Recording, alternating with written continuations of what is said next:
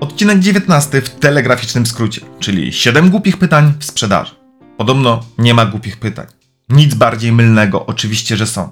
To pytania, które nie prowadzą nas do celu, to pytania, które nie są przemyślane i pytania, które utrudniają nam sprzedaż lub utwierdzają klienta w jego wątpliwościach.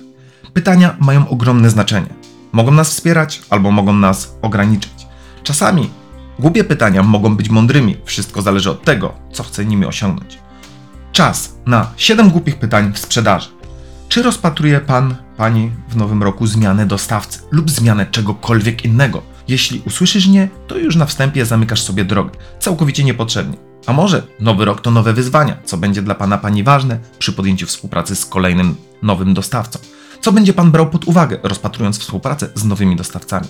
Pytanie drugie: czy jest Pan zainteresowany?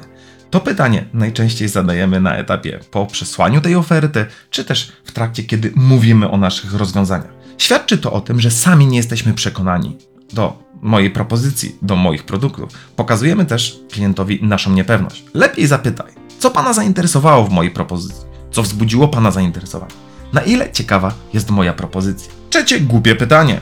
Czy udało się panu pani zapoznać z propozycją? To pytanie najczęściej zadajemy po przesłaniu oferty i ponownym kontakcie do klienta. Czy na pewno w takim razie kontraktowałeś, drogi słuchaczu, słuchaczko, klienta na konkretny termin? A może tym pytaniem zakładasz, że twoja propozycja jest mniej ważna niż to, co klient może mieć do zrobienia? Możesz też w ten sposób dawać klientowi wyjście, aby porzucił decyzję lub zmienił je na wieczne nigdy. Zadaj je trochę inaczej. Na co zwrócił Pan Pani uwagę w tej propozycji? Jakie wnioski Panu Pani nasunęły się po zapoznaniu z moją propozycją? Czwarte pytanie.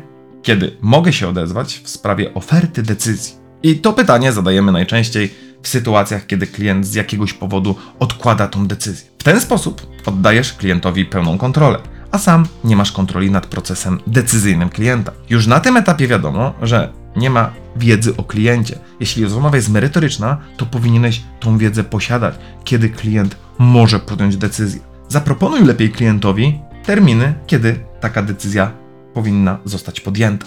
Biorąc pod uwagę naszą rozmowę, zakładam, że do końca tygodnia mamy sytuację jasną. Zgadza się? Lub z tego, co Pan mówił, zależy Panu na szybkiej decyzji. W takim razie umawiamy się na jutro. Pytanie piąte. Czy wszystko jest dla Pana Pani jasne? To pytanie nic nam nie daje. Nie mamy pewności, czy jest to jasne dla klienta i w jaki sposób on to zrozumiał. Zatem pytanie lepiej.